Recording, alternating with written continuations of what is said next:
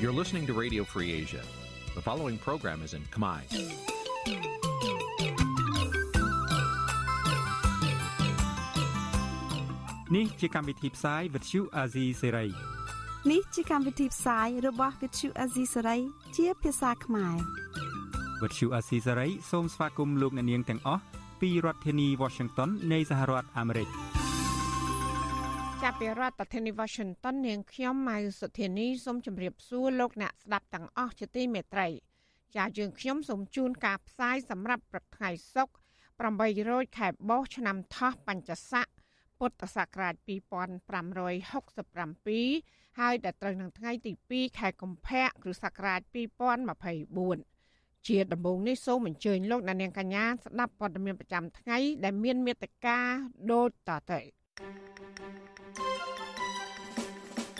អ្នកវិភាគថាលោកហ៊ុនម៉ាណែតមិនអាចដោះស្រាយបញ្ហាសំណង់អគារខ្មោចនៅខេត្តបរសៃអនុបានឡើយប្រជាប្រដ្ឋទឹកឡើងថាលបែងស៊ីសងតាមអនឡាញនៅតែរីកដុះដាលក្នុងសហគមន៍របស់ពួកគេជនជាតិដើមភាគតិចពីភូមិខេត្តប្រវត្តិហាទាមទារអាជ្ញាធរការពីប្រៃអាស្រ័យផលជាង3000ហិកតា លោកសំរងស៊ីអំពីនីវឲ្យគណៈបកភ្លឹងទៀននិងបកកម្លាំងជាតិចែកមណ្ឌលគ្នាចូលឈ្មោះបោះឆ្នោតប្រតិភិរួមនឹងព័ត៌មាន សំខាន់សំខាន់មួយចំនួនទៀតចាត់ជាបន្តទៅទៀតនេះនាងខ្ញុំម៉ៅសុធានីសូមជូនព័ត៌មានទាំងនោះពឺស្ដាប់ចាលោកនាយកទីមេត្រីអ្នកវិភាគនយោបាយនិងមន្ត្រីសង្គមស៊ីវិលមើលឃើញថាលោកនាយករដ្ឋមន្ត្រីហ៊ុនម៉ាណែត มันអាចដោះស្រាយបញ្ហាដំណងអគារខ្មោចនៅខេត្តបរសៃហនុឲ្យមានប្រសិទ្ធភាពបានឡើយពួកគេយល់ឃើញថាហេតុផលសំខាន់សំខាន់ដែលរដ្ឋាភិបាលមិនអាចដោះស្រាយបាននោះដោយសារតែអ្នកជំនួញល្អៗកំពុងសម្លឹងឃើញថាកម្ពុជាក្លាយជាទីតាំងសម្បូរបទល្មើសអូក្រិដ្ឋនិងសម្បូរអ្នកមានអំណាចប្រកាន់បកពួកនិយមខណៈប្រព័ន្ធច្បាប់ត្រូវបានជន់ឈ្លីដោយអ្នកមានអំណាច ចាប់ពីរដ្ឋធានី Washington លោកមានរដ្ឋាភិការព័ត៌មាននេះទោះជារដ្ឋាភិបាលលោកហ៊ុនម៉ាណែតចាប់ផ្ដើមដាក់ចេញនយោបាយការសម្រាប់ដោះស្រាយសំណងអគារខ្មោចនៅក្នុងខេត្តព្រះសីហនុយ៉ាងណាក្តីក៏ក្រុមអ្នកខ្លំមើលវិតម្លៃថាអ្នកជំនួយល្អៗនឹងពុំហ៊ានមកបោះទុនវិនិយោគលើសំណង់អគារជាប់គាំងទាំងនោះដើម្បីស្ដារសេដ្ឋកិច្ចនិងសម្ព័ន្ធភាពទីក្រុងក្នុងខេត្តជាប់មាត់សមុទ្រមួយនេះឡើយអ្នកថាតិបាលនយោបាយលោកកឹមសុខប្រាប់វិសុយអស៊ីស្រីនៅថ្ងៃទី1ខែកុម្ភៈថា ការប្រកាសរបស់រដ្ឋាភិបាលកម្ពុជា ចំពោះការអនុគ្រោះការយកថ្លៃពន្ធនានាក្នុងការសាងសង់សំណង់អគារក្នុងខេត្តព្រះសីហនុនឹងគ្មានអត្តពលឬតាក់ទាញចំណាប់អារម្មណ៍អ្នកជំនួយល្អៗមកបណ្ដាក់ទុនស្ដារសំណង់អគារខ្មោចទាំងនោះទេលោកថាហេតុផលសំខាន់សំខាន់ដែលធ្វើឲ្យកម្ពុជាខ្សត់អ្នកជំនួយល្អៗនៅពេលនេះគឺដោយសារតែប្រព័ន្ធច្បាប់ទាំងមូលត្រូវបានជន់ឈ្លីដោយអ្នកមានអំណាចអំពើពុករលួយចាក់ស្រេះ និងបញ្ហានៃបទអក្រិតកម្មនានាហ៊ុនម៉ាណែតគ្រាន់តែប្រើលេសវិនិយោគប៉ុណ្ណោះក៏ប៉ុន្តែរឿងពិតគាត់ប្រកុកប្រកាស លក់អាគារខ្មោចរាប់រយនៅទីនោះដើម្បីប្រមូលលុយពីព្រោះរដ្ឋាភិបាលរបស់គាត់ស្ទើរតែគាំងអត់លុយទៅហើយនេះទី1ទី2យុទ្ធសាស្ត្រលក់អាគារខ្មោចនៅខេត្តព្រះសីហនុរបស់លោកហ៊ុនម៉ាណែតនេះមើលទៅមិនមែននាំឲ្យរីកចម្រើនសេដ្ឋកិច្ចជាតិឬក៏សេដ្ឋកិច្ចប្រជាពលរដ្ឋអីទេប៉ុន្តែវារីកឧស្សាហកម្មលាងលុយកខ្វក់អ្នកវិនិយោគល្អល្អគេមិនហ៊ានប្រថុយទិញអាគារខ្មោចទាំងនោះទេក្រៅតែពីពួកអ្នកវិនិយោគបែបកាប់ដាវ លោកនាយរដ្ឋមន្ត្រីហ៊ុនម៉ាណែតកាលពីថ្ងៃទី31ខែមករាប្រកាសដល់ក្រុមការងារជំរុញការវិនិយោគនៅក្នុងខេត្តព្រះសីហនុនិងអាជ្ញាធរពាក់ព័ន្ធឲ្យអនុវត្តផែនការជាកញ្ចប់ដោយបង្កើនការអភិវឌ្ឍប្រព័ន្ធហេដ្ឋារចនាសម្ព័ន្ធការផ្ដល់អត្ថប្រយោជន៍ពិសេសដូចជាទឹកធការការលើកលែងពន្ធករផ្សេងផ្សេងនិងជួយសម្រួលបែបបទនិងនីតិវិធីនានាក្នុងរយៈពេលវែងនិងធានាបញ្ហាអសន្តិសុខនៅក្នុងខេត្តព្រះសីហនុដើម្បីជំរុញឲ្យអ្នកវិនិយោគ ចូលមកបោះទុនវិនិយោគលើសំណង់អគារខ្មោចបច្ចុប្បន្ននេះអគារផ្អាកដំណើរការសាងសង់នៅក្នុងខេត្តព្រះសីហនុមានសរុបចំនួន362អគារនិងមានអគារបានសាងសង់រួចរាល់ក៏ប៉ុន្តែមិនដំណើរការចំនួន176អគារអគារដែលរងផលប៉ះពាល់ទាំងនេះភាគច្រើនជាប្រភេទសន្តាគារភោជនីយដ្ឋាន ហាងលក់ទំនិញនិងកន្លែងស្នាក់នៅជាដើមរដ្ឋមន្ត្រីក្រសួងសេដ្ឋកិច្ចនិងហិរញ្ញវត្ថុលោកអូនពាន់មនីរត ប្រកាសថារដ្ឋត្រូវការទុនវិនិយោគបន្ថែមប្រមាណ1161លានដុល្លារដើម្បីបញ្ចប់ការសាងសង់ក៏ប៉ុន្តែនៅពេលនេះរដ្ឋមិនមានលុយនោះទេ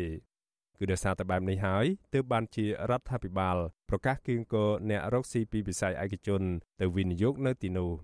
សំណង់អគារខ្មោចធំធំទាំងនេះគឺជាលទ្ធផលនៃការអនុវត្តគោលនយោបាយបើកចំហជើងមេឃរបស់អតីតនាយករដ្ឋមន្ត្រីហ៊ុនសែន ដែលអនុញ្ញាតឲ្យអ្នកជំនួញឬជនជាតិចិនចូលមកខេត្តប្រសេនុដោយសេរីនិងគ្មានការគ្រប់គ្រងត្រឹមត្រូវចាប់តាំងពីឆ្នាំ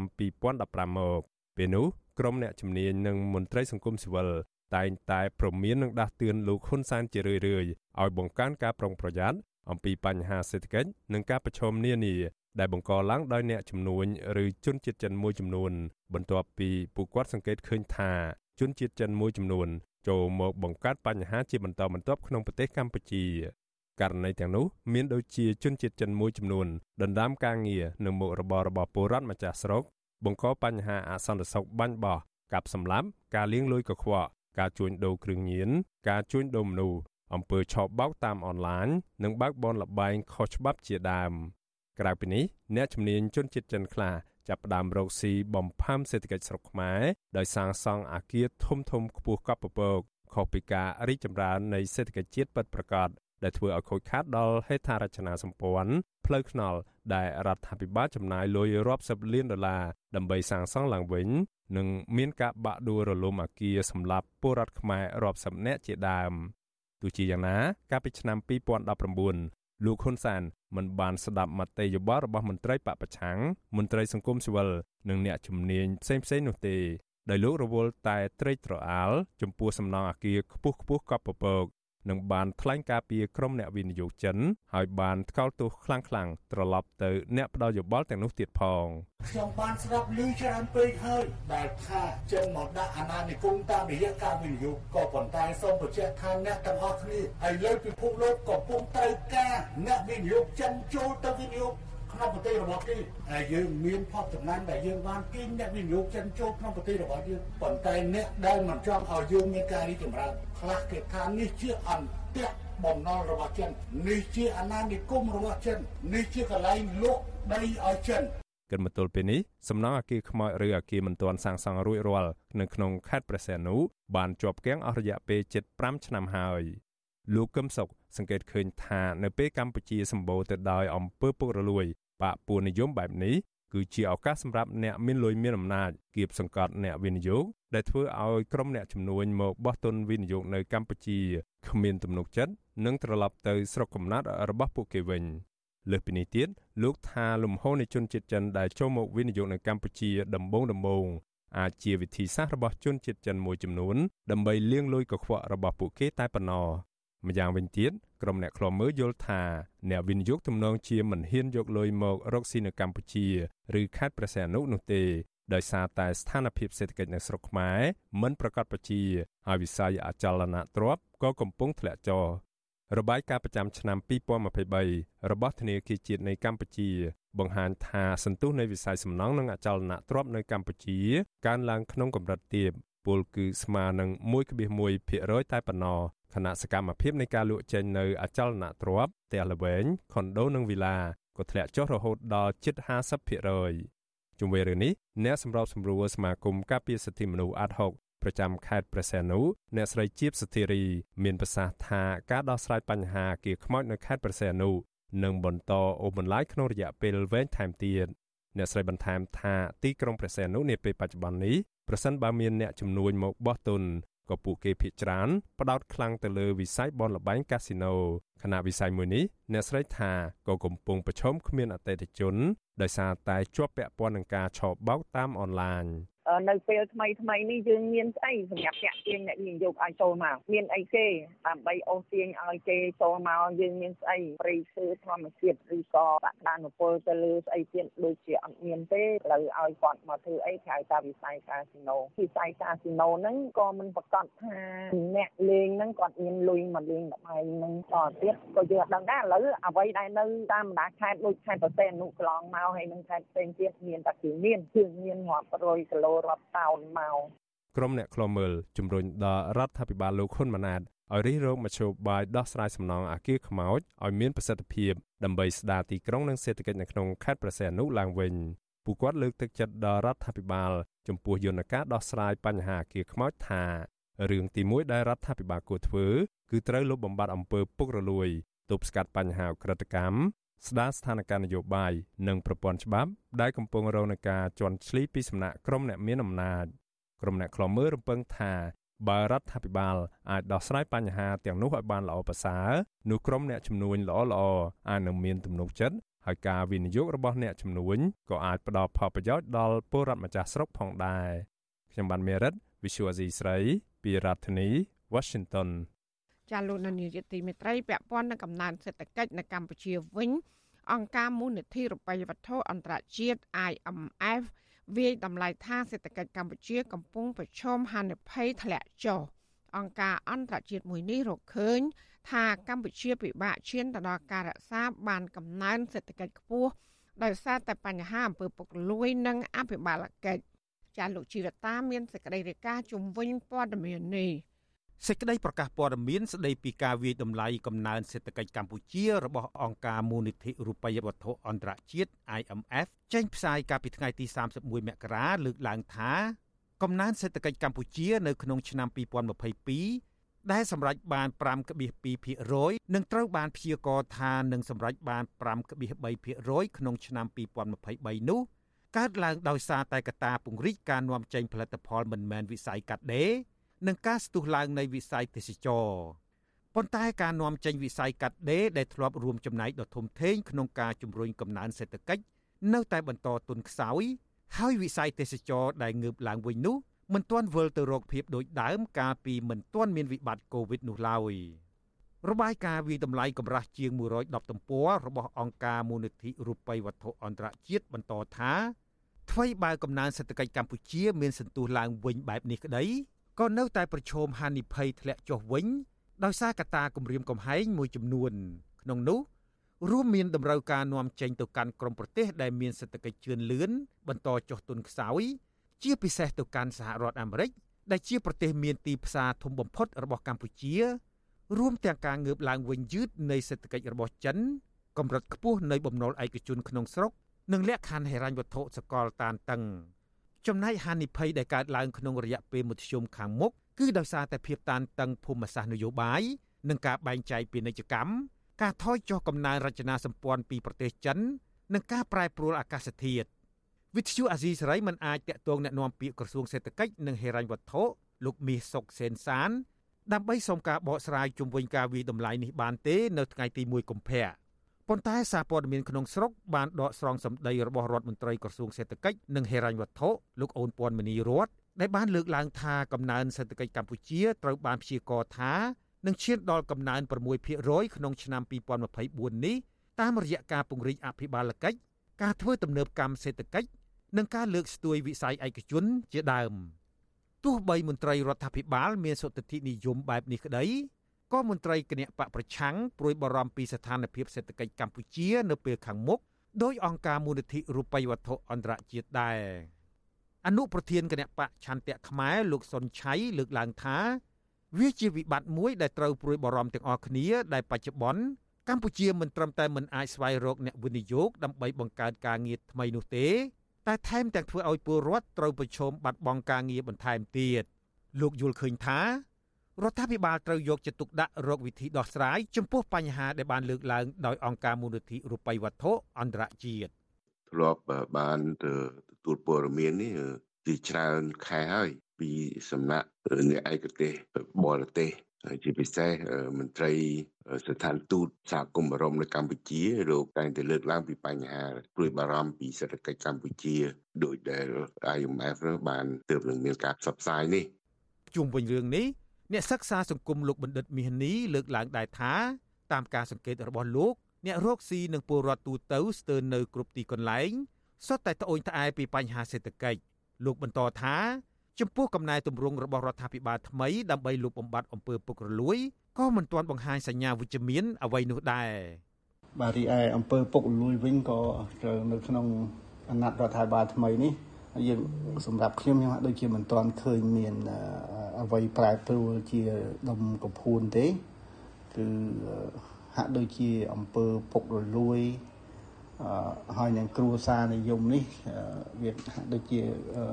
រួមរឹតគ្នាកាន់តែជ្រៅទៅជ្រៅទៅនៅក្នុងសង្គមខ្មែរបាទបាទ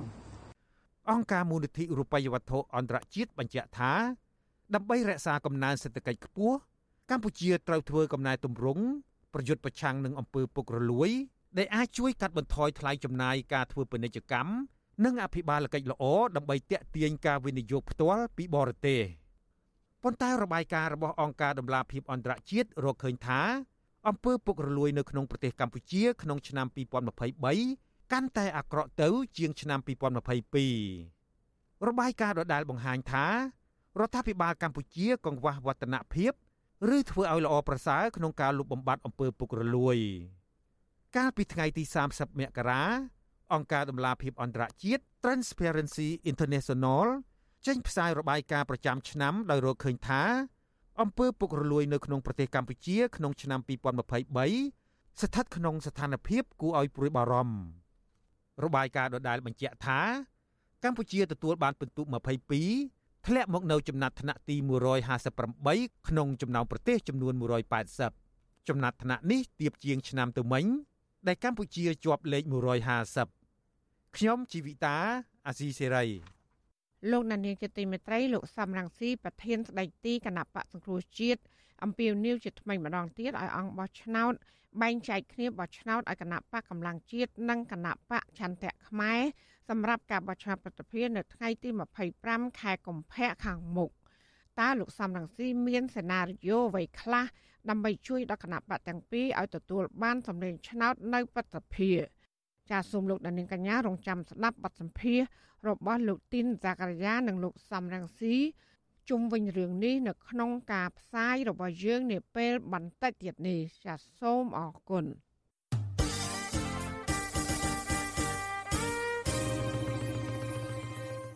ចាលោកដានីជាទីមេត្រីសាច់ញាតិមន្ត្រីគណៈបពប្រឆាំងនៅក្រុងប៉ោយប៉ែតរំពឹងថាចៅក្រមសាលាដំបងខេត្តបន្ទាយមានជ័យនឹងផ្ដល់យុត្តិធម៌ដល់លោកចៅវាសនាក្នុងថ្ងៃប្រកាសសាលក្រមនៅសប្តាហ៍ក្រោយលោកចៅវាសនាមានដើមកំណត់ខ្មែរក្រោមត្រូវបានតឡាការចោតប្រកាន់ពីបទញុះញង់ឲ្យប្រព្រឹត្តបទអក្រិតជាអាតនិងញុះញង់ឲ្យមានការរើសអើងពាក់ព័ន្ធនឹងរឿងធ្វើយុទ្ធនាការឲ្យបរដ្ឋ គូខ្វែងសន្លឹកឆ្នោតកាលពីថ្ងៃទី23ខែកក្កដាឆ្នាំ2023ប៉ុន្តែលោកចៅវាសនាបានច្រានចោលការចោតប្រកាន់ទាំងនេះកូនស្រីលោកចៅវាសនាគឺអ្នកស្រីចៅរតនៈដែលជាចៅសង្កាត់រងទី2សង្កាត់ប៉ោយប៉ែតប្រាប់បច្ចុប្បន្នស៊ីស្រីនៅរុស្ស៊ីថ្ងៃទី1ខែកុម្ភៈ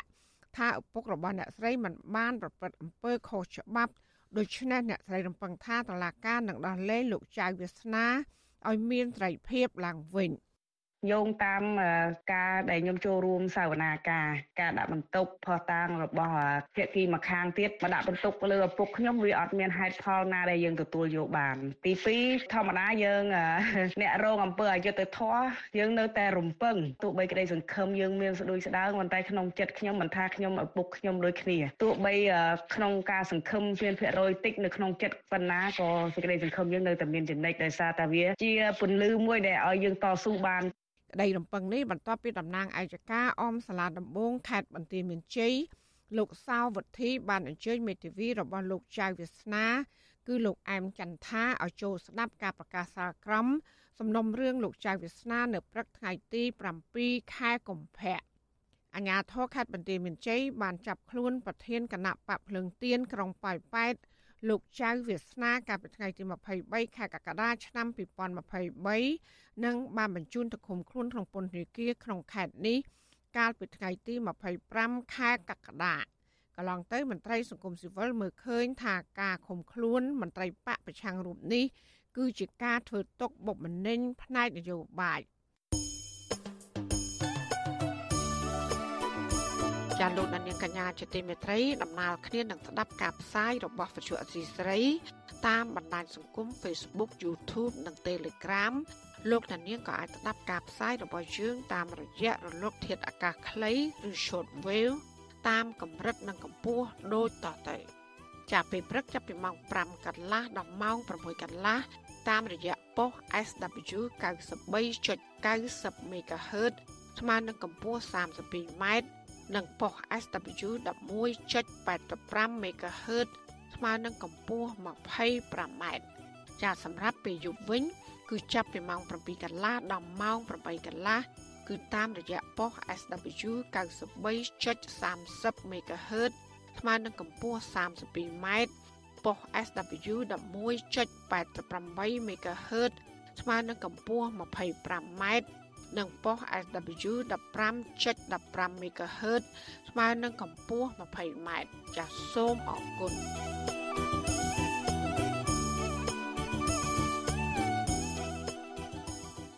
ចាលោកដានីលជាទីមេត្រីពាក់ព័ន្ធនឹងលបែងស៊ីសងតាមអនឡាញវិញ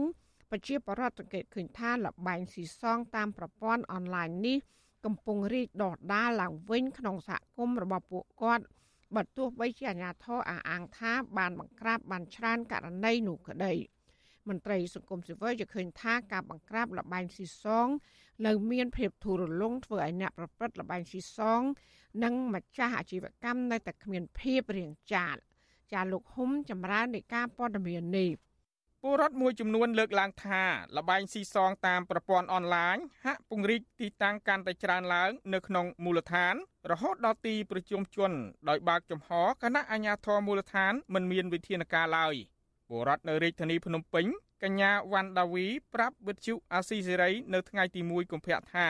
កញ្ញាសង្កេតឃើញនៅតាមផ្ទះពលរដ្ឋ ដែលលក់ដូរទំនិញនៅតាមផ្លូវលំនានានៅសង្កាត់ចាក់អង្រែលើមានដាក់អេក្រង់កុំព្យូទ័រសម្ញែងនៅក្នុងតូបរបស់ខ្លួនដោយមិនញញើតអាជ្ញាធរឡើយកញ្ញាបន្តថាជារៀងរាល់ថ្ងៃតែងមានអ្នកចេញចូលកន្លែងលក់ដូរនោះតែមិនឃើញទិញទំនិញអ្វីនោះទេ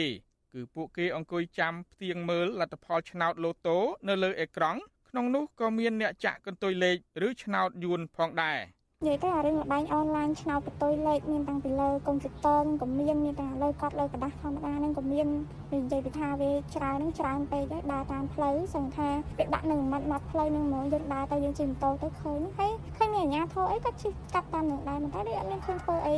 ខាងអ្នកលក់ឆ្នោតអ្នកលេងឆ្នោតនឹងបានសោះឃើញកាន់តែមានច្រើនទៅច្រើនទៅនឹងដើមចំណែកពលរដ្ឋម្នាក់ទៀតនៅស្រុកសណ្ដានខេត្តកំពង់ធំ លោកមឿនវណ្ណិតឲ្យដឹងថាលបែងអនឡាញនេះបានហូរចូលទៅក្នុងមូលដ្ឋានរបស់លោកក្នុងឃុំសណ្ដានរហូតដល់ស្រុកស្រែចំការទៅហើយលោកបន្តថាលបែងនេះបានធ្វើឲ្យពលរដ្ឋនៅក្នុងមូលដ្ឋានរបស់លោកកាន់តែធ្លាក់ខ្លួនក្រីក្រ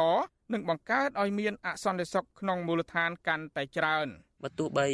ជួនកាលយើងលេងលបែងឈ្នះ ឬក៏ចាញ់ក៏ដោយតែបើសិនតែយើងឈ្នះចាញ់ទាំងអស់នឹងឯងក៏វាមិនបានផលប្រយោជន៍អ្វីដែរយើងបានយើងបានប្រាក់ប៉ុន្តែវាផ្ដល់នូវគំរូអាក្រក់សម្រាប់យើងហើយនឹងអ្នកដទៃដែលរស់នៅជិតខាងយើងក៏ដូចជាមជ្ឈដ្ឋានជុំវិញយើងជាដើមបរដ្ឋលើកឡើងថានៅរយៈពេលចុងក្រោយនេះការបើកអាជីវកម្មលបែងអនឡាញនៅតាមសហគមន៍និងការផ្សព្វផ្សាយហាក់មានសកម្មភាពកាន់តែផុសផុលដោយមានការបិទផ្លាកតាមម៉ូតូកង់3លើផ្ទាំងប៉ាណូធំៗនៅចំកណ្ដាលក្រុង និងជួលសិល្បករមួយចំនួនឲ្យឃោសនាជាដើមពួកគាត់លើកឡើងថារដ្ឋាភិបាលមិនគួរបណ្ដោយឲ្យលបែងស៊ីសងពង្រីកខ្លួនក្នុងសហគមន៍បែបនេះឡើយព្រោះអាជីវកម្មទាំងនេះអាចនឹងបង្កើតឲ្យមានអសន្តិសុខសង្គមដូចជាអំពើចោរកម្មការឆបោកនិងទំនាស់ក្នុងគ្រួសារជាដើមវិទ្យុអាស៊ីសេរីមិនអាចតាក់ទងแนะនាំពាក្យរងនៃក្រសួងមហាផ្ទៃលោកទូចសុខៈ និងអគ្គលេខាធិការនៃគណៈកម្មការគ្រប់គ្រងលបែងពាណិជ្ជកម្មលោករស់ភិរុនដើម្បីសុំការបកស្រាយជុំវិញរឿងនេះបានទេ នៅថ្ងៃទី1កុម្ភៈប៉ុន្តែកន្លងមកលោករស់ភិរុនធ្លាប់ប្រាប់វិទ្យុអាស៊ីសេរីថាឆ្នោតកន្ទុយលេខវៀតណាមនិងឆ្នោតឡូតូអនឡាញគឺស្ថិតក្នុងប្រភេទក្រុមលបែងខុសច្បាប់ដទៃទៀតមានដូចជាបៀនិងអាប៉ោងជាដើមហើយគណៈកម្មការគ្រប់គ្រងលបែងពាណិជ្ជកម្មកម្ពុជា មិនបានចេញអាជ្ញាប័ណ្ណឲ្យលបែងប្រភេទនេះប្រកបអាជីវកម្មដោយស្របច្បាប់នោះទេរបាយការណ៍ក្រសួងមហាផ្ទៃបង្ហាញថាគិតត្រឹមរយៈពេល28ថ្ងៃក្នុងខែមករាឆ្នាំ2024សមត្ថកិច្ចនគរបាលនៃក្រសួងមហាផ្ទៃបានបើកប្រតិបត្តិការបង្ក្រាបករណីលបែងស៊ីសងចំនួន53ទីតាំងក្នុងរាជធានីភ្នំពេញ និងនៅតាមបណ្ដាខេត្តចំនួន15ក្នុងនោះអាជ្ញាធររកឃើញអាជីវកម្មលបែងខុសច្បាប់ចំនួន29ទីតាំងនឹងបញ្ជូនជនសង្ស័យលេងល្បែងស៊ីសងចំនួន72នាក់ទៅតុលាការ របាយការណ៍ដដែលបញ្ជាក់ថាការបង្ក្រាបទីតាំងចំនួន24ផ្សេងទៀតអាជ្ញាធរឃាត់ខ្លួនមនុស្សចំនួន49នាក់យកមកអនុវត្តវិធានការរដ្ឋបាលដោយការអប់រំនិងធ្វើកិច្ចសន្យាបញ្ឈប់សកម្មភាពដោយមិនបញ្ជូនទៅតុលាការនោះទេតាក់ទិនរឿងនេះប្រធានមជ្ឈមណ្ឌលប្រជាពលរដ្ឋដើម្បីអភិវឌ្ឍនិងសន្តិភាពលោកយងកំឯងយល់ឃើញថាការអនុវត្តច្បាប់បង្ក្រាបលបែងស៊ីសង នៅតាមសហគមន៍ហាក់មានសកម្មភាពតិចតួច និងធូររលុងនៅឡើយលោកបន្តថាវិធានការអប់រំនិងការធ្វើកិច្ចសន្យាបញ្ឈប់សកម្មភាព ចំពោះអាជីវកម្មលបែងស៊ីសង ដែលជំនួសឲ្យការកាត់ទោស ឬជាប់ពន្ធនាគារក៏ជាកត្តាដែលធ្វើឲ្យអាជីវកម្មលបែងស៊ីសង នៅតែអាចដំណើរការបានក្នុងសហគមន៍រាប់ឆ្នាំមកលឺមួយយ៉ាងទៅប៉ុន្តែមួយនោះក៏ដូចជាមិនសូវមានភាពជាក់លាក់ពិតប្រាកដអីចឹងទៅតែបាទហើយក៏មិនបានដាក់ទោសទណ្ឌអីតាមច្បាប់តាមអីដែរបាទពលរដ្ឋយល់ឃើញថាមូលហេតុដែលបណ្ដាលឲ្យមានក្រុមហ៊ុនលបែងអនឡាញពង្រីកខ្លួនកាន់តែច្រើនឡើងនៅតាមមូលដ្ឋាន និងពង្វក់ពលរដ្ឋឲ្យធ្លាក់ទៅក្នុងស្ថានភាពក្រីក្រប៉ះពាល់ដល់សេដ្ឋកិច្ចគ្រួសារនិងបង្កឲ្យមានអសន្តិសុខក្នុងសង្គមនេះគឺដោយសារអាជ្ញាធរពាក់ព័ន្ធនិងម្ចាស់អាជីវកម្មលបែងទាំងនោះខុបខិតចែកផលប្រយោជន៍គ្នាតាមរយៈអំពើពុករលួយខ្ញុំបាទហុំចម្រើន with you អាស៊ីសេរីពីរដ្ឋធានី Washington ចាលោកនានីជាទីមេត្រីនៅអាខេតសៀមរាបនៅវិញ ប្រជាពលរដ្ឋជាង2000គ្រួសារនៅតំបន់រុនតាឯកស្រុកបន្ទាយស្រីព្រមមានរុះរើផ្ទះសម្បែងរបស់ពួកគាត់ត្រឡប់ទៅរស់នៅតំបន់អង្គរវិញបើសិនបើអាជ្ញាធរពាក់ព័ន្ធពំព្រមយកចិត្តទុកដាក់ពន្លឿនដោះស្រាយបញ្ហាបានសមត្ថភាពឲ្យបានឆាប់ឆាប់ចាមន្ត្រីសង្គមស៊ីវិលក៏ជំរុញអាជ្ញាធរយកបញ្ហារបស់ពលរដ្ឋមកដោះស្រាយឲ្យបានត្រឹមត្រូវចាលោកសេកបណ្ឌិតរាជការព័ត៌មាននេះ ពលរដ្ឋរស់នៅតំបន់រុនតាឯកជាច្រើនគ្រួសារស្នើសុំអាជ្ញាធរពន្លឿនដោះស្រាយបញ្ហាប្រាក់ដែលកាត់ពីបានសមធរប្រមាណ20ទៅ30ម៉ឺនរៀលក្នុងមួយគ្រួសារពលរដ្ឋថាការកាត់នេះជារឿងមិនត្រឹមត្រូវព្រោះកន្លងទៅរដ្ឋាភិបាលបានសន្យាថានឹងផ្ដល់ឲ្យពួកគាត់រយៈពេល10ឆ្នាំពលរដ្ឋរស់នៅតំបន់រុនតាឯកស្រុកបន្ទាយស្រី លោកឡុងឡែនប្រាប់បទសុអាស៊ីសេរី នៅថ្ងៃទី1ខែកុម្ភៈថាពលរដ្ឋជាង2000គ្រួសារ ពួកគាត់ពុំសប្បាយចិត្តចំពោះការកាត់ប្រាក់បានសមធម៌ចំនួនពី20ទៅ30ម៉ឺនរៀលក្នុងមួយគ្រួសារនោះទេលោកបន្តថាពលរដ្ឋនឹងក្រោកតវ៉ាទ្រង់ទ្រាយធំហើយឈានដល់ការរុះរើផ្ទះទៅរស់នៅតំបន់អង្គរវិញ ប្រសិនបើអាជ្ញាធរមិនអើពើដោះស្រាយបញ្ហានេះទេ ធ្វើខាងរដ្ឋាភិបាលនៅតែធ្វើឲ្យមានបញ្ហាប្រហែលជាគិតនឹងបង្កភាពចលាចលធ្វើឲ្យរដ្ឋាភិបាលកាន់តែឈឺក្បាលខ្លាំងទៅអញ្ចឹងណាព្រោះធម្មតាយើងទៅរុះចេញពីតំបន់រមណីយដ្ឋានកូនគឺយើងខាត់បងទាំងស្រុងណាទាំងដីទាំងទ្រព្យសម្បត្តិគឺយើងបោះបង់អស់ហើយអញ្ចឹងដល់ពេលរដ្ឋាភិបាលសន្យាមកយើងអត់បានអញ្ចឹងវាប្រជាជនត្រូវតែទៀមទាយកចំណុចដើមមកវិញហើយពលរដ្ឋម្នាក់ទៀតសុំមិនបញ្ចេញឈ្មោះលើកឡើងថា ចាប់តាំងពីមានការតវ៉ារបស់ពួកគាត់ជុំវិញបញ្ហាបានសមធននេះមក ត្រូវបានអាជ្ញាធរដើរគំរាមកំហែងដោយប្រើពាក្យសម្ដីអសុរោះជេរប្រមាថនិងគំរាមបញ្ឈប់មិនឲ្យរស់នៅតំបន់រុនតាឯកតទៅទៀតប្រសិនបើពួកគាត់នៅតែតវ៉ាហើយនិយាយប្រាប់រឿងទាំងនេះទៅអ្នកសារព័ត៌មានដែលធ្វើឲ្យប៉ះពាល់ដល់មុខមាត់រដ្ឋាភិបាលទោះយ៉ាងណាពលរដ្ឋទាំងនោះអះអាងថាការគម្រាមកំហែងនិងដើរស្រង់ឈ្មោះពលរដ្ឋដែលទៅតវ៉ាពុំមែនជារឿងល្អហើយអាចបញ្ឈប់ការឃ្លានយុទ្ធធរបាននោះទេ ពលរដ្ឋទទូចឲ្យអាជ្ញាធរពាក់ព័ន្ធងាកមកដោះស្រាយបញ្ហាទើបជាមធ្យោបាយល្អជាជាងដើរគម្រាមកំហែងពលរដ្ឋជុំវិញរឿងនេះវិទ្យុអាស៊ីសេរីពុំអាចតាក់ទងអភិបាលខេត្តសៀមរាបលោកប្រាក់សុភ័ណ្ឌនិងប្រធានអង្គភិបអ្នកណែនាំពីរដ្ឋាភិបាលលោកប៉ែនបូណាបានទេនៅថ្ងៃទី1ខែកុម្ភៈដោយទូរស័ព្ទហៅចូលតែពុំមានអ្នកទទួលអ្នកសម្របសម្រួលគម្រោងធុរកិច្ចនិងសិទ្ធិមនុស្សរបស់មជ្ឈមណ្ឌលសិទ្ធិមនុស្សកម្ពុជាលោកវ៉ាន់សុផាតយល់ថា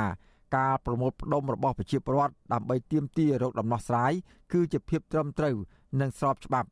ចំណែករដ្ឋាភិបាលត្រូវតែយកកង្វល់របស់ប្រជាពលរដ្ឋទាំងនោះទៅដោះស្រាយប្រកបដោយយុត្តិធម៌ដោយពុំអាចគេចវេះយករួចខ្លួននោះទេ បានសមត្ថភាពនោះវាអត់ត្រូវមានលក្ខខណ្ឌអីដែលត្រូវថាដកពីនឹងយកទៅចំណាយក្នុងកម្មវិធីអីផ្សេងទៀតទេបើតាមខ្ញុំដឹងគឺថាតាបានសមត្ថភាពគឺសមត្ថភាពត្រូវផ្ដល់ជូនជាពលរដ្ឋរយៈពេលប្រហែលឆ្នាំនេះអាហ្នឹងត្រូវអនុវត្តឲ្យគ្រប់លក្ខខណ្ឌរបស់គាត់នៅថ្ងៃទី27មករាពលរដ្ឋរស់នៅតំបន់រុនតាឯកជាង2000នាក់បានជួបជាមួយនឹងរដ្ឋបាលខេត្តសៀមរាបដូចជាមន្ត្រីសង្គមគិច្ចព្រមទាំងអភិបាលស្រុកបន្ទាយស្រី លោករិនលូតនៅផ្សាររុនតាឯកថ្មី ដែលជាកន្លែងពលរដ្ឋតវ៉ាដើម្បីរកដំណោះស្រាយរឿងកាត់ប្រាក់បានសមធម៌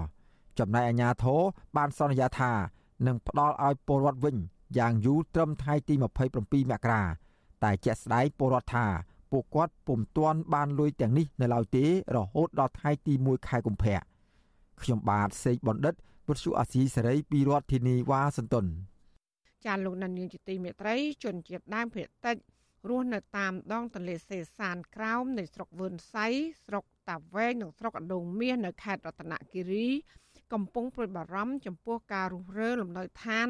ចាក់ចេញពីតំបន់ដែលពួកគេធ្លាប់រស់នៅជាយូរមកហើយការបារម្ភនេះស្របពេលដែលក្រុមហ៊ុនចិនមួយ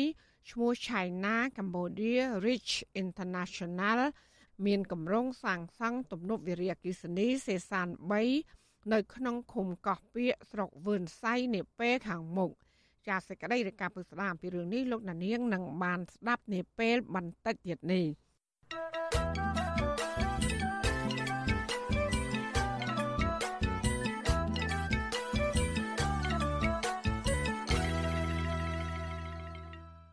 ចាលោកអ្នកស្ដាប់ជតិមេត្រីចំណែកនៅខេត្តរតនគិរីឯនោះវិញពជាសហគមន៍ជនជាដើមភាគតិចចារាយ រស់នៅជាប់ព្រំដែនកម្ពុជាវៀតណាមដែលកំពុងប្រកបរបររ៉ែមាសជាលក្ខណៈគ្រួសារព្រួយបារម្ភខ្លាចបាត់បង់មុខរបរនេះបន្ទាប់ពីមានក្រុមហ៊ុនធំមួយដែលមិនស្គាល់ឈ្មោះបានចុះទៅសិក្សាស្រាវជ្រាវរករ៉ែមាសខ្នាតធំ នៅក្នុងតំបន់ដែលពួកគេកំពុងអាស្រ័យផល។មន្ត្រីសង្គមស៊ីវិលយល់ឃើញថាអាញាធរពពាន់មានទួនាទីក្នុងកិច្ចការពារផលប្រយោជន៍សហគមន៍និងត្រូវដោះស្រាយឲ្យបានសមរម្យ ចាលោកជីវតាមានសកម្មភាពមួយទៀតជំវិញព័ត៌មាននេះសហគមន៍ជនជាតិដើមភាគតិចចារាយនៅភូមិបដុលឃុំសេសានស្រុកអូយ៉ាដាវខេត្តរតនគិរីដែលកំពុងរស់នៅពឹងផ្អែកលើមុខរបររែងមាសដោយដៃព្រួយបារម្ភខ្លាចបាត់បង់មុខរបរនេះក្តីបារម្ភនេះកើតឡើងបន្ទាប់ពីមានក្រុមហ៊ុនមួយដែលពលរដ្ឋមិនស្គាល់ឈ្មោះកំពុងសិក្សារុករករ៉ែមាសលក្ខណៈទ្រង់ទ្រាយធំនៅតំបន់របស់ពួកគាត់អាស្រ័យផល អ្នកភូមិថាប្រសិនបើក្រុមហ៊ុនមួយនេះដំណើរការធ្វើអាជីវកម្មរ៉ែមាសទ្រង់ទ្រាយធំប្រជាសហគមន៍នៅភូមិបដលនឹងបាត់បង់មុខរបរបែបប្រពៃណីមួយនេះជាក់ជាមិនខានតំណាងសហគមន៍ជនជាតិដើមភាគតិចចរាយនៅភូមិបដលលោកអ៊ីវុតប្រាប់វិទ្យុអាស៊ីសេរីនៅថ្ងៃទី31មករាថាបច្ចុប្បន្នមានក្រុមហ៊ុនមួយដែលមិនស្គាល់ឈ្មោះកំពុងចុះសិក្សារុករករ៉ែមាសនិងបានបាញ់ថ្នាំជាសញ្ញាសម្គាល់ នៅជុំវិញតំបន់ដែលប្រជាពលរដ្ឋកំពុងអាស្រ័យផលដោយមិនបានផ្ដល់ព័ត៌មានដល់ប្រជាពលរដ្ឋរស់នៅជុំវិញតំបន់នោះជាមុននោះទេលោកព្រួយបារម្ភខ្លាចក្រុមហ៊ុនមួយនេះចាប់ផ្ដើមធ្វើអាជីវកម្មរ៉ែមាសទ្រង់ទ្រាយធំ ដោយមិនបានសិក្សាពីផលប៉ះពាល់និងដោះស្រាយសំណងឲ្យប្រជាពលរដ្ឋរស់នៅតំបន់នោះ។ ហើយម្យ៉ាងទៀតនេះពួកខ្ញុំនឹងអត់ទាំងដឹងនេះមិនដឹងថាក្រុមហ៊ុនណាអីគេដើរដាក់សញ្ញាខ្វែងខ្វែងសញ្ញាក្រហមសញ្ញាខៀវធ្វើដូចសញ្ញាលេខបូកដាក់តាមផ្លូវតាមអីនេះហើយមកដល់ចំការដល់អីខ្ញុំនេះខ្ញុំក៏អត់ដឹងព័ត៌មានហើយសួរខ្ញុំសួរសញ្ញាថោសញ្ញាថោគាត់ថាអត់ដឹងដែរប៉ះពាល់ដល់ប្រពៃណីដល់វប្បធម៌ដល់បាទដល់មុខរបរពួកគាត់ដែលគាត់កំពុងតែស្រ័យផលអញ្ចឹងលោកអ៊ីវុតបន្ថែមថាពលរដ្ឋរស់នៅភូមិបដលនាំគ្នាប្រកបរបរនេះតាំងពីយូរយារណាស់មកហើយ ដែលអាចរកប្រាក់បានដោះស្រាយជីវភាពគ្រួសារអ្នកភូមិអាចរកប្រាក់ចំណូលបានពី30ម៉ឺនរៀលទៅ40ម៉ឺនរៀលក្នុងមួយសប្តាហ៍លោកស្នើដល់អាជ្ញាធរពាក់ព័ន្ធធ្វើយ៉ាងណាកុំឲ្យប៉ះពាល់ដល់មុខរបររបស់ជនជាតិដើមភាគតិចទាំងនេះមេភូមិបដលលោកខ្លានយ៉ានឲ្យដឹងថានៅភូមិបដលពិតជាមានក្រុមហ៊ុនមួយចុះបាញ់ថ្នាំជាសញ្ញាសម្គាល់ប្រកាសមែនប៉ុន្តែលោកនៅមិនទាន់ដឹងថាក្រុមហ៊ុននោះឈ្មោះអ្វីនៅឡើយទេ ដោយសារក្រុមហ៊ុនមួយនេះមិនបានតាក់ទងនិងផ្ដល់ឯកសារផ្លូវការដល់អាជ្ញាធរភូមិឃុំនោះឡើយលោកក៏ព្រួយបារម្ភអំពីផលប៉ះពាល់ដីស្រែចម្ការ និងមុខរបររបស់ប្រជាពលរដ្ឋនៅតំបន់នោះដែរ ឃើញគេវាយវងវិញគេសញ្ញាគុណនោះគេដាក់អាក្រហមឆ្នាំក្រហមនោះវាតាមព្រៃតាមផ្លូវអីមានអញ្ចឹងវាការពិតវាមិនទាន់ឃើញម្ចាស់គេទេម្ចាស់គេមិនទាន់ជួបខ្ញុំខ្ញុំមិនទាន់ជួបម្ចាស់គេទេជួបបន្ទាល់សហគមន៍និងអាជ្ញាធរមូលដ្ឋានអត់ទាន់ជួបទេទាន់ជួបផ្ទាល់ទេវាខ្ញុំកភ័យដែរវាអ្នកគុំកភ័យខ្លាចដែរអញ្ចឹងណាវិទ្យុអាស៊ីសេរីមិនអាចតាក់ទងអ្នកនាំពាក្យក្រសួងរាយនឹងធម្មពលលោកអឹងឌីប៉ូឡា និងប្រធានមន្ទីររ៉ែនិងធម្មពលខេត្តរតនគិរីលោកអ៊ុងហួរបានទេ នៅថ្ងៃទី31មករាដោយទូរស័ព្ទចូលតែគ្មានអ្នកទទួលអ្នកស្រាវជ្រាវនឹងឃ្លាំមើលធនធានធម្មជាតិនៅកម្ពុជា លោកសេងសុកហេងឲ្យដឹងថារាល់ការផ្ដល់អាជ្ញាប័ណ្ណណាមួយរដ្ឋាភិបាលគួរតែបង្ហាញជាសាធារណៈនិងត្រូវសិក្សាពីផលប៉ះពាល់ផ្ដល់សំណងដល់ពលរដ្ឋនៅជុំវិញតំបន់នោះឲ្យបានត្រឹមត្រូវស្របតាមច្បាប់ លោកបញ្ជាក់អះអាងថាមកទល់ពេលនេះ រាល់ក្រុមហ៊ុនធ្វើអាជីវកម្មរ៉ែមាសតែងតែរំលោភបំពានដីធ្លី និងប៉ះពាល់បរិស្ថាននៅជុំវិញតំបន់នោះវាជាចំណុចមួយដែលរដ្ឋាភិបាលគួរតែចាប់ផ្ដើមគិតគូរឲ្យបានតឹងរ៉ឹងក្នុងការគ្រប់គ្រងក្នុងការត្រួតពិនិត្យពីសកម្មភាព ការរុករកការធ្វើអាជីវកម្មរ៉ែនឹងឲ្យបានម៉ត់ចត់មែនទែនតាក់ទងនឹងបញ្ហានេះដែរមន្ត្រីសម្របសម្រួលសមាគមអាត6ប្រចាំខេត្តរតនគិរីលោកដិនខានីយល់ឃើញថា អាញាធរគួរផ្ដល់ដំណឹងដល់ប្រជាពលរដ្ឋនិងត្រូវសិក្សាពីផលប៉ះពាល់ដើម្បីស្វែងរកដំណោះស្រាយឲ្យបានសមរម្យដល់ប្រជាពលរដ្ឋដែលរស់នៅជុំវិញតំបន់នោះហើយក្រុមហ៊ុនមិនត្រូវលាក់បាំងព័ត៌មានចំពោះប្រជាពលរដ្ឋនោះទេលោកបន្ថែមថាអាញាធរមូលដ្ឋាន មានតួនាទីសំខាន់ក្នុងការការពារផលប្រយោជន៍របស់ប្រជាពលរដ្ឋ ទោះបីជាទូបានអាញាបានក៏ដោយគឺត្រូវដោះស្រាយបាទឲ្យបានសមស្របជាមុនសិនបានអាចឲ្យធ្វើទៅបានបើមិនដូច្នោះទេគឺវានឹងធ្វើឲ្យគេហៅថាប៉ះពាល់ដល់ផលប្រយោជន៍របស់ប្រជាជនអាជ្ញាធរមូលដ្ឋានគាត់មានតួនាទីមួយទៀតនៅក្នុងការការពារផលប្រយោជន៍របស់ប្រជាជននិងផលប៉ះពាល់ដែលនឹងកើតឡើងដល់ប្រជាជន កាលពីថ្ងៃទី26ខែធ្នូឆ្នាំ2023អង្គការសមត្ថៈកម្ពុជា បានចេញរបាយការណ៍មួយរកឃើញថា ក្រុមហ៊ុនចំនួន5ធំធំក្នុងខេត្តចំនួន4កំពុងធ្វើអាជីវកម្មរ៉ែមាសប៉ះពាល់ដីធ្លីព្រៃជំនឿបង្ខំឲ្យពលរដ្ឋលក់ដីស្រែចម្ការនិងធ្វើឲ្យប៉ះពាល់ដល់បរិស្ថាននៅជុំវិញតំបន់ដែលពលរដ្ឋរស់នៅក្រុមហ៊ុនចំនួន5នោះរួមមានក្រុមហ៊ុនសឹងយួនគួងយិកនៅខេត្តក្រចេះក្រុមហ៊ុនរងឆេង Industrial Investment នៅខេត្តបណ្ឌុលគិរី ក្រុមហ៊ុន Delcom Cambodia ក្រុមហ៊ុន Zinzan Industrial Cambodia នៅខេត្តព្រះវិហារនិងក្រុមហ៊ុនអង្គរ Gold Corp Mesco Gold នៅខេត្តរតនគិរីខ្ញុំជីវិតាអាស៊ីសេរីចាលោកនានីជាទីមេត្រីនៅខេត្តព្រះវិហារជនជាតិដើមប្រតិគួយពីភូមិបន្តទៀមទាអាញាធននិងតឡាការរកមជ្ឈបាយការពីប្រៃអាស្រ័យផលជាង3000ហិកតា ដែលជាប្រភពសេដ្ឋកិច្ចរបស់សហគមន៍កំពុងទទួលរងការរំលោភបំពាន ពួកគាត់ស្នើសុំបែបនេះក្នុងពេលដែលចូលទៅបំភ្លឺនៅសាលាដំបងខេត្តព្រះវិហារកាលពីថ្ងៃទី31ខែមករាក្នុងសំណុំរឿងដែលមន្ត្រីបរិស្ថានបដិងតំណាងសហគមន៍4នាក់ពាក់ព័ន្ធនឹងសកម្មភាពការពារប្រៃឈើចាលោកយ៉ងច័ន្ទរារាជការព័ត៌មាននេះតំណាងជនជាតិដើមភាគតិចគួយចំនួន4នាក់នៅក្នុងចំណោមពលរដ្ឋជាង250នាក់រស់នៅក្នុងភូមិដងផ្លិត និងភូមិណារុងឃុំឆែប2ស្រុកឆែប បានស្នើនៅចំពោះមុខតំណាងអัยការខេត្តព្រះវិហារលោកថុលកំហឹងជួយការពារព្រៃឈើនៅគៀកភូមិកំណើតរបស់ពួកគាត់ដែលកំពុងប្រឈមទៅនឹងការបាត់បង់ទ្រង់ទ្រាយធំក្រោយពីមានមន្ត្រីបរិស្ថានចូលទៅតំបន់នោះពួកគាត់ថ្លែងបែបនេះនៅក្នុងសវនកម្មសាលាដំបងខេត្តព្រះវិហារកាលពីថ្ងៃទី31មករានៅក្នុងសំណុំរឿងដែលមន្ត្រីបរិស្ថានប្តឹងតំណាងសហគមន៍4នាក់ក្រោយពីអ្នកភូមិលើកគ្នាតវ៉ាការពារព្រៃអភិរក្ស តំណាងសហគមន៍លោកសោមណៃប្រាប់វិទ្យុអាស៊ីសេរីនៅថ្ងៃទី1ខែកុម្ភៈថាពលលោកមិនបានប្រព្រឹត្តកំហុសដោយការចោទប្រកាន់នោះទេហើយបំណងរបស់ប្រជាសហគមន៍គឺចង់ការពារសវត្ថិភាពដីព្រៃអភិរក្សទំហំជាង3000ហិកតាដែលកំពុងប្រឈមទៅនឹងការបាត់បង់ជាបន្តបន្ទាប់ពីបុគ្គលមានលុយមានអំណាច។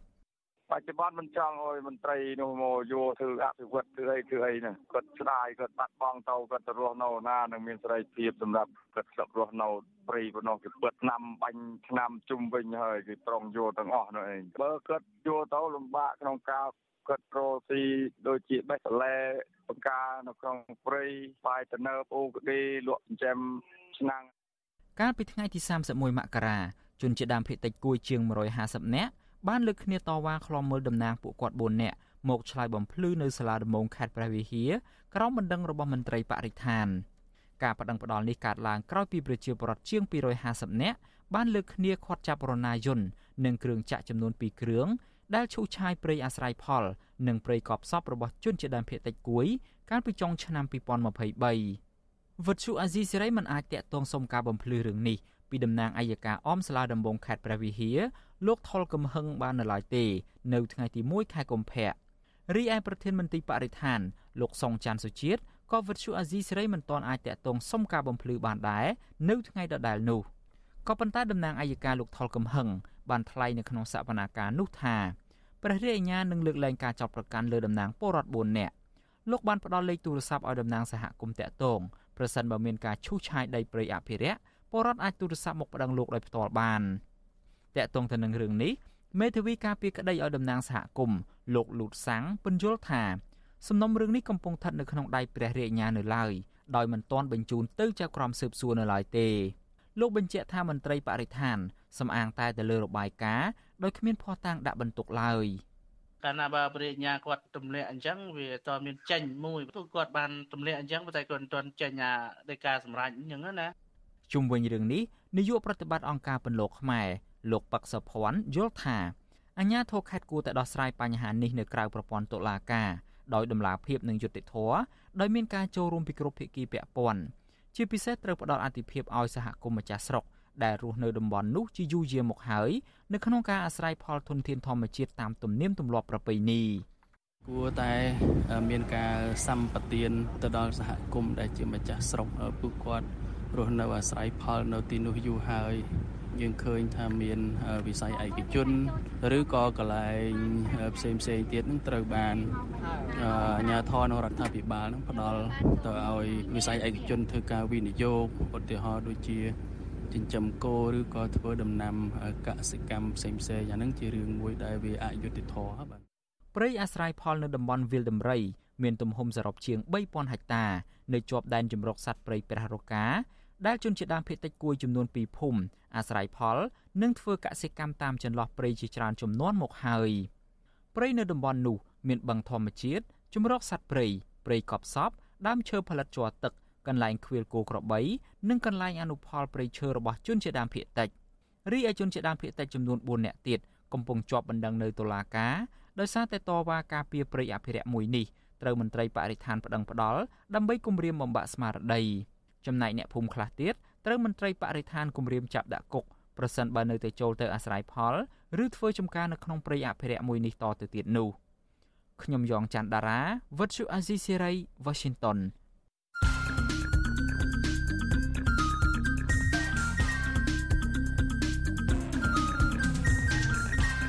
បទសំភារ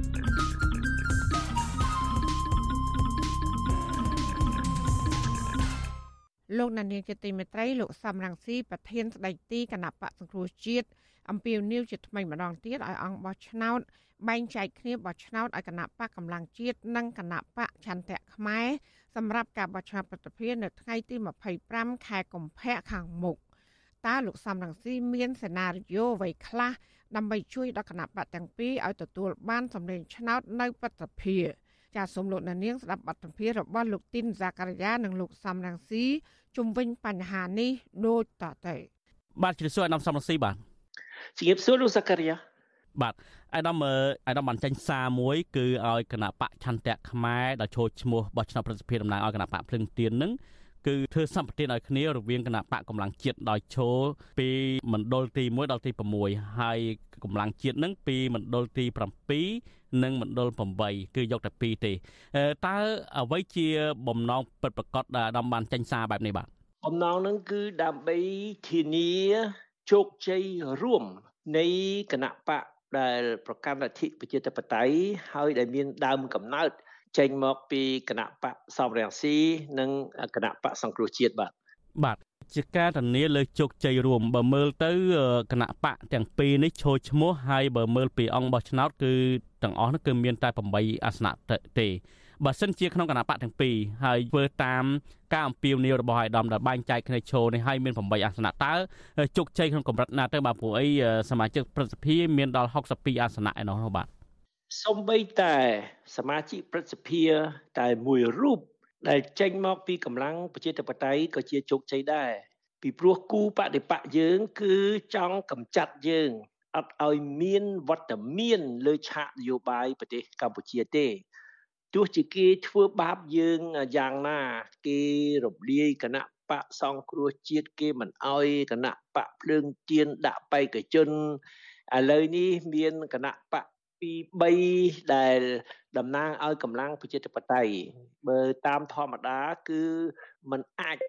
ជាប់សំអីតែម្នាក់ក៏มันអាចជាប់ដែរហើយថែមគេបំបែកគេទិញគេបំផិតបំភ័យអញ្ចឹងបានខ្ញុំត្រូវស្នើឲ្យមានវិធានការជៀសវាងកុំឲ្យគណៈបកប្រជាធិបតេយ្យដូចគ្នា ប្រកួតប្រជែងគ្នានៅតាមគ្រប់ភូមិភាគទាំងអស់ត្រូវចែកភូមិភាគគ្នាឈរបាទ បាទដោយដែលអាដាមមានប្រសាសន៍អញ្ចឹងបើសិនជាគណៈបកទាំងពីរមិនបែងចែកភូមិភាគផ្នែកឈរទេ គឺនឹងមិនទទួលបានអាសនៈទេដោយសារថាគណៈបកទាំងពីរនេះគឺដណ្ដើមគ្នាអង្គបោះឆ្នោតគឺតែមួយគឺមកពីគណៈបកភ្លើងទៀនហើយបើការបែងចែកអាសនៈហ្នឹងបើសិនជាគណៈបកទាំងពីរមិនទទួលបានអាសនៈ គ្រប់ក្រុមទេគ្រប់ចំនួនទេអាសនៈនេះនឹងបានទៅលើគណៈបកប្រជាជនកម្ពុជាទាំងមូលអាដាមអាដាមមានប្រសាសន៍ថាបើក្នុងករណីថាគណៈបកទាំងពីរនឹងទោះបីជាបានអាសនៈតែមួយក៏ដោយក៏ទទួលបានជោគជ័យដែរតើជោគជ័យបែបណាទៅបើយើងក៏លេចមើលតាំងពីឆ្នាំ2013ហ្នឹងគឺនៅសមាជិកសភារបស់គណៈបកសង្គ្រោះជាតិមានដល់55ប៉ុន្តែនៅតែមិនអាចធ្វើអ្វីបានផងនោះបាទយើងត្រូវមើលកលៈទេសៈក លៈទេសៈនេះគឺគេចង់កម្ចាត់យើងគ្មានឲ្យសល់អ្វីទាល់តែសោះមិនឲ្យមានតំណាង នៅក្នុងស្ថាប័នថ្នាក់ជាតិយើងនៅសល់តែតំណាងស្ថាប័នថ្នាក់មូលដ្ឋាន តែយើងដឹងហើយព្រឹទ្ធសភាគឺជាស្ថាប័នថ្នាក់ជាតិហើយលោកហ៊ុនសែនគាត់មានបំណងធ្វើជាប្រធានព្រឹទ្ធសភា អ្នកណាដែលប្រឆាំងគាត់សូម្បីតែម្នាក់ក៏គាត់មិនឲ្យមានវត្តមានដែរនៅក្នុងព្រឹទ្ធសភាចាប់ពីឆ្នាំ2024នេះទៅដូច្នេះបើយើងធានាឲ្យមានកម្លាំងប្រជាធិបតេយ្យមានតំណាងតែមួយរូបក៏យើងចាត់ទុកថាជាជោគជ័យដែរព្រោះបំណងគេគេចង់កម្ចាត់យើងឲ្យគ្មានសេះសល់អ្វីមួយរូបក៏អត់ ដូច្នេះបើយើងបានតែមួយរូបក៏យើងជោគជ័យដែរបើយើងគិតពីសេចក្តីលំបាកនិងបំណងអាក្រក់របស់ពួកគេបាទដោយដែលអាដាមមានប្រសាសន៍អញ្ចឹងគឺថាអតីតនាយករដ្ឋមន្ត្រីលោកហ៊ុនសែននឹងធ្លាប់បានប្រកាសជាសាធារណៈហើយគឺថាកំចាត់ទាំងរឹសកំចាត់ទាំងគុលមានថាហើយអ្វីដ៏សំខាន់មួយទៀតហ្នឹងគឺដាក់អាយដាប់ឲ្យនៅឯកោអញ្ចឹងជាដើមហើយបញ្ហានេះខាងគណៈបកភ្លើងទៀនបានឆ្លើយបដិសេធ កន្លងមកហើយបដិសេធសំណើរបស់កម្លាំងជាតិថាមិនចរចាទេមិនអីទេបើក្នុងករណីគណៈបកទាំងពីរមិនដើរតាមសេណារីយ៉ូអ្វីដែលដំកំពុងតែអំពាវនាវនេះតើគណៈបកទាំងពីរកំពុងតែដើរជន់ទៅលើផែនការរបស់លោកហ៊ុនសែនទេបាទខ្ញុំអត់សម្ដៅ ទៅគណៈបកនយោបាយទេនិយាយឲ្យចំទៅគឺខ្ញុំរំលងគណៈបកនយោបាយសេចក្តីអំពាវនាវរបស់ខ្ញុំនេះគឺសម្ដៅទៅអង្គបោះឆ្នោតផ្ទាល់តែម្ដងពីព្រោះការបោះឆ្នោតនេះជាការបោះឆ្នោតសម្ងាត់រាល់ការបោះឆ្នោតជាការបោះឆ្នោតសម្ងាត់អង្គបោះឆ្នោតម្នាក់ម្នាក់ជាពិសេសពេលនេះគឺសមាជិកក្រុមប្រឹក្សាឃុំសង្កាត់2198នាក់ ដែលបានជាប់ឆ្នោតកាលពីឆ្នាំ2022ក្រោមផ្លាកគណៈបកភ្លើងទៀនគណៈបកភ្លើងទៀនជាអតីតគណៈបកសំរងស៊ីដូចគ្នាដូច្នេះខ្ញុំជឿថាអង្គបោះឆ្នោតក៏មានភាពស្វាមីភ័ក្រចំពោះឧត្តមគតិដើមនៃគណៈបកសំរងស៊ីដែរអញ្ចឹងហើយបានខ្ញុំសូមអំពាវនាវថាទោះជាគណៈបកនីមួយនីមួយគេប្រកាសជំហរគេយ៉ាងម៉េច តែសូមឲ្យអង្គបោះឆ្នោត គឺរក្សាភាពស្មោះត្រង់រក្សាឧត្តមគតិដើមរបស់គណៈបកសំរងស៊ីគណៈបកសង្គ្រោះជាតិហើយបោះឆ្នោតឲ្យបេក្ខជននៅតាមភូមិភាគនីមួយៗគឺកុំឲ្យមានការប្រកួតប្រជែងគ្នា នៅគ្រប់ភូមិភាគភូមិភាគនីមួយៗឲ្យមានបេក្ខជនដែលមកពីគណៈបកតែមួយដើម្បីឲ្យបេក្ខជននោះបានជាប់ឆ្នោត អញ្ចឹងយើងត្រូវធ្វើម៉េចឲ្យមានសមធម៌ឲ្យមានតុល្យភាពឲ្យទៅបេក្ខជនមកពីគណៈបកឆន្ទៈខ្មែរ6អាសនៈពីព្រោះភូមិភាគនីមួយៗត្រូវទទួលបានមួយអាសនៈហើយឲ្យទៅគណៈបកកម្លាំងជាតិបាន2អាសនៈបាទបាទអរគុណច្រើនអាដាមសំស៊ីចុងក្រោយដល់មានអ្វីបន្ថែមបាទខ្ញុំយល់ឃើញថា ត្រូវតែមានគណៈបកដែលប្រកាន់លទ្ធិប្រជាធិបតេយ្យមានយ៉ាងតិចណាស់2កុំឲ្យមានតែមួយដូច្នេះកុំឲ្យគណៈបកតែមួយគឺដាក់បេក្ខជនតែម្នាក់ឯងគ្រប់ភូមិភាគហើយនៅលើឆាកនយោបាយគឺមានគណៈបកតែមួយនោះ ធ្វើអញ្ចឹងគ្រោះថ្នាក់ណាស់បើមានគណៈបកតែមួយតំណាងឲ្យកម្លាំងប្រជាធិបតេយ្យគណៈបកនោះនឹងคล้ายទៅជាមុខសញ្ញា មុខសញ្ញាតែមួយរបស់គូបដិបកយើង គេនឹងសម្ដៅមករករឿងយើង ហើយនឹងយើងនឹងប្រឈមមុខគ្រោះថ្នាក់ធំណាស់ តែបើយើងបែងចែកបែងចែកវត្តមានឲ្យមានគណៈបក2គណៈបកប្រជាធិបតេយ្យដូចគ្នាប៉ុន្មានគណៈបក2ដំណើរការទទឹមគ្នាវាមិនសូវគ្រោះថ្នាក់ដូចមានគណៈបកតែមួយគោលដៅទី2ទោះជាមានគណៈបក ពីរក៏ដោយតែនៅតាមភូមិភាគនីមួយនីមួយត្រូវមានគណៈបកតែមួយឯដែលឈរដើម្បីធានាឲ្យគណៈបកនោះបានជាប់ឆ្នោតហើយភូមិភាគមួយចំនួនទៀតយើងឲ្យគណៈបកមួយទៀតឈរមានគណៈបកពីរតែភូមិភាគនីមួយនីមួយមានគណៈបកតែមួយឯឈរដើម្បីឲ្យកម្លាំងប្រជាធិបតេយ្យបានជាប់ឆ្នោតតំណាងឲ្យឆន្ទៈប្រជារាស្ត្រខ្មែរដែលចង់ឲ្យមានការផ្លាស់ប្ដូរបាទអរគុណច្រើនអាដាមសុលស៊ីបាទអរគុណបាទជំរាបលាបាទ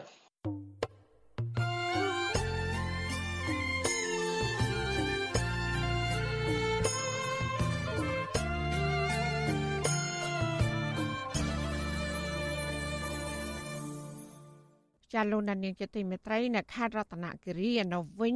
ជនជាតិដើមភាគតិចរស់នៅតាមដងទន្លេសេសានក្រោមនៅស្រុកវឿនសៃស្រុកតាវែងនិងស្រុកអណ្ដូងមាសកំពុងព្រួយបារម្ភចំពោះការរុះរើលំនៅឋាន ចាក់ចេញពីតំបន់ដែលពួកគេធ្លាប់រស់នៅជាយូរមកហើយការព្រួយបារម្ភនេះស្របពេលដែលក្រុមហ៊ុនចិត្តមួយឈ្មោះ China Cambodia Rich International មានគម្រោងទៅសាងសង់ទំនប់វារីអគ្គិសនីសេសាន3នៅក្នុងឃុំកោះពាកនៃស្រុកវឿនសៃនាពេលខាងមុខចាស់លោកសេកបណ្ឌិត មានសេចក្តីរាយការណ៍ពុស្ដាជំវិញព័ត៌មាននេះដូចតទៅសង្គមស៊ីវិលជំរុញឲ្យរដ្ឋាភិបាលកម្ពុជាគួរតែសិក្សាឲ្យបានត្រឹមត្រូវទៅលើផលប៉ះពាល់បរិស្ថានប្រជាពលរដ្ឋនិងជីវៈចម្រុះជាមុនសិនមុននឹងចាប់ផ្ដើមសាងសង់ទំនប់វារីអគ្គិសនីសេសានក្រោម3ថ្មីមួយទៀត នៅក្នុងស្រុកចំនួន3របស់ខេត្តរតនគិរីអគ្គលេខាធិការទន្លេកម្ពុជារបស់វេទិកាអង្គការមេរដ្ឋាភិបាលហៅកាត់ថា NGO Forum លោកម៉ាក់ប៊ុនធឿនមានប្រសាសន៍ប្រាប់បទសុអសីសេរី កាលពីថ្ងៃទី30មករាថា តាមលោកដឹង គឺនៅតាមដងទន្លេ3ក្រុមហ៊ុនចិន មានគម្រោងសាងសង់ទំនប់វារីអគ្គិសនី ជាបន្តបន្ទាប់ តែលោកមិនទាន់ដឹងពីការបរិច្ឆេទច្បាស់លាស់នៃការចាប់ផ្ដើមនៅពេលណានៅឡើយទេលោកម៉ាក់ប៊ុនធឿនមានប្រសាសន៍ទៀតថាជំហររបស់អង្គការសង្គមស៊ីវិលគឺជំរុញឲ្យរដ្ឋាភិបាល គួរសិក្សាឲ្យបានលម្អិតនិងត្រឹមត្រូវទៅលើផលប៉ះពាល់បរិស្ថានជីវៈចម្រុះនិងការរស់នៅរបស់ប្រជាពលរដ្ឋដែលភ ieck ច្រើនជាជនជាតិដើមភ ieck តិចដោយបើកទូលាយឲ្យមានការចូលរួមពីអង្គការក្រៅរដ្ឋាភិបាល និងសហគមន៍ប្រជាពលរដ្ឋនៅក្នុងតំបន់នោះផងចូលរួមអង្គការសង្គមស៊ីវិលនៅតែលើកទឹកចិត្តឲ្យមានការចូលរួមឲ្យបានពេញលេញអំពីសង្គមស៊ីវិលសាធារណជនហើយជាពិសេសគឺសហគមន៍មូលដ្ឋានដែលអាចនឹងទទួលរងផលប៉ះពាល់ពីគម្រោងអភិវឌ្ឍន៍នានាទាំងឡាយហ្នឹងដើម្បីស្វែងយល់និងផ្លាស់ប្ដូរយោបល់គ្នាដើម្បីធ្វើម៉េចធានាបាននៅការកាត់បន្ថយផលប៉ះពាល់ឲ្យបានជាអតិបរមាការជំរុញរបស់អង្គការក្រៅរដ្ឋាភិបាលបែបនេះ បន្ទាប់ពីគេបានឃើញលិខិតរបស់រដ្ឋបាលខេត្តរតនគិរីមួយច្បាប់ ដែលផ្ញើជូនអភិបាលស្រុកចំនួន3ឲ្យជួយសម្រួលនិងសហការជាមួយអ្នកបច្ចេកទេសក្រុមហ៊ុន China Cambodia Rich International ចុះធ្វើការសិក្សាជំហានដំបូងដើម្បីកំណត់ទីតាំងគម្រោងសាងសង់ទំនប់វារីអគ្គិសនី នៅតាមដងទន្លេសេសានក្រោមចាប់ពីខ្សែទឹកខាងលើនៃវារីអគ្គិសនីសេសានក្រោម2រហូតដល់ព្រំដែនកម្ពុជាវៀតណាម។ ប្រជាពលរដ្ឋជាច្រើនដែលរស់នៅតាមបណ្ដោយដងទន្លេសេសានក្រោមក៏កំពុងចាប់ផ្ដើមព្រួយបារម្ភចំពោះផលប៉ះពាល់នានាមកលើពួកគេដែរខណៈដែលគេបានឃើញក្រុមមនុស្សចម្លែកមុខចូលទៅសិក្សាគម្រោងទំនប់វារីអគ្គិសនីនៅតំបន់ពួកគេរស់នៅបណ្ដាញសហគមន៍នេសាទឃុំកោះពាកដែលនៅជាប់នឹងទីតាំងគម្រោងទំនប់វារីអគ្គិសនីសេសានក្រោម3លោកស៊ូគូមានប្រសាសន៍ថា នៅភូមិរបស់លោកមានប្រជាពលរដ្ឋរស់នៅជាង300គ្រួសារកំពុងព្រួយបារម្ភយ៉ាងខ្លាំងចំពោះផលប៉ះពាល់នានាដោយសារទឹកលិចនៅពេលខាងមុខបរិសុទ្ធអ្នកភូមិដដាលបានបញ្ជាក់ទៀតថាភូមិរបស់លោកដែលបង្កើតឡើងតាំងពីអំឡុងឆ្នាំ1970មកហើយអ្នកភូមិបានប្រឹងប្រែងជាខ្លាំងទម្រាំបានស្រែចម្ការនិងផ្ទះធំធំរស់នៅ និងអភិវឌ្ឍល្អស្អាត ក៏ប៉ុន្តែប្រសិនបើគម្រោងទំនប់វារីអគ្គិសនីសេសានក្រោម3មកចាប់ផ្ដើមនៅទីនេះគឺនឹងប៉ះពាល់ដល់វិស័យជាច្រើន។ ធ្វើវាគឺគ្នាអញ្ចឹងវាអត់កើតទេអញ្ចឹងចំពោះខ្ញុំអត់ចាំធ្វើទេអាកន្លែងនោះខ្ញុំឃើញច្រើនណាស់អាខាងតំណប់អីនោះខ្ញុំខ្លាចមកទៅបីទៅបាក់ច្រាំងបាក់អីគេអ្នកធ្វើតាមគៀនវត្តបឹងឬក៏តាមអូអីខ្ញុំឃើញជាក់ស្ដែងឃើញបាក់ផ្ទះបាក់អីអូយលំបាកមែនតើលិចត្រីទឹកនិងព្រៃឈើហើយប៉ះពាល់នឹងដំណាំប្រជាបរតក្បីគោបើលិចលិចកោះប៉ង់ឡើងអាវលើភូមិផាវទៀតមកចិត្តអត់ទៅវិញទៀតតែប្រជាបរតមកប្រកបមុខរបរទាំងអស់ណាម្ដុំហ្នឹងបណ្ដាញសហគមន៍នេសាទឃុំកាជូនកុកឡាក់ដែលនៅជាប់គ្នានឹងឃុំកោះពាកដែរគឺកញ្ញាវេកម៉ានី មានប្រសាសន៍ប្រហាក់ប្រហែលគ្នាដែរថា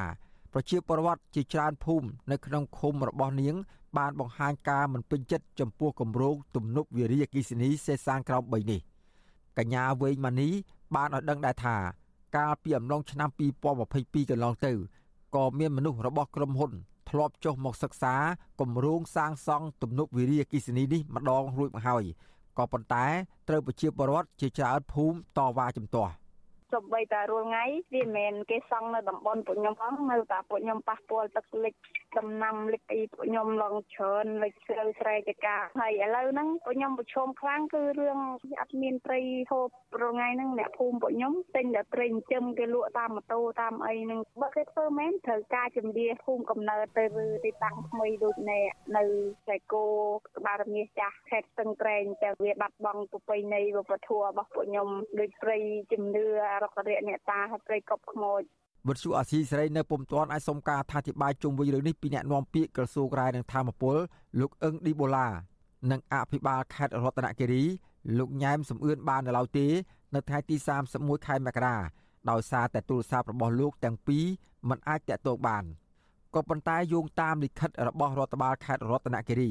ដែលផ្ញើជូនអភិបាលស្រុកវើនសៃស្រុកតាវែងនិងស្រុកអណ្ដូងមាសចុះថ្ងៃទី21ខែវិច្ឆិកាឆ្នាំ2022ឲ្យដឹងថា ក្រសួងរ៉ែនិងធម្មពលចុះអនុសារណៈយោគយល់គ្នាឬហៅថា MOU ជាមួយនឹងក្រុមហ៊ុន China Cambodia Rich International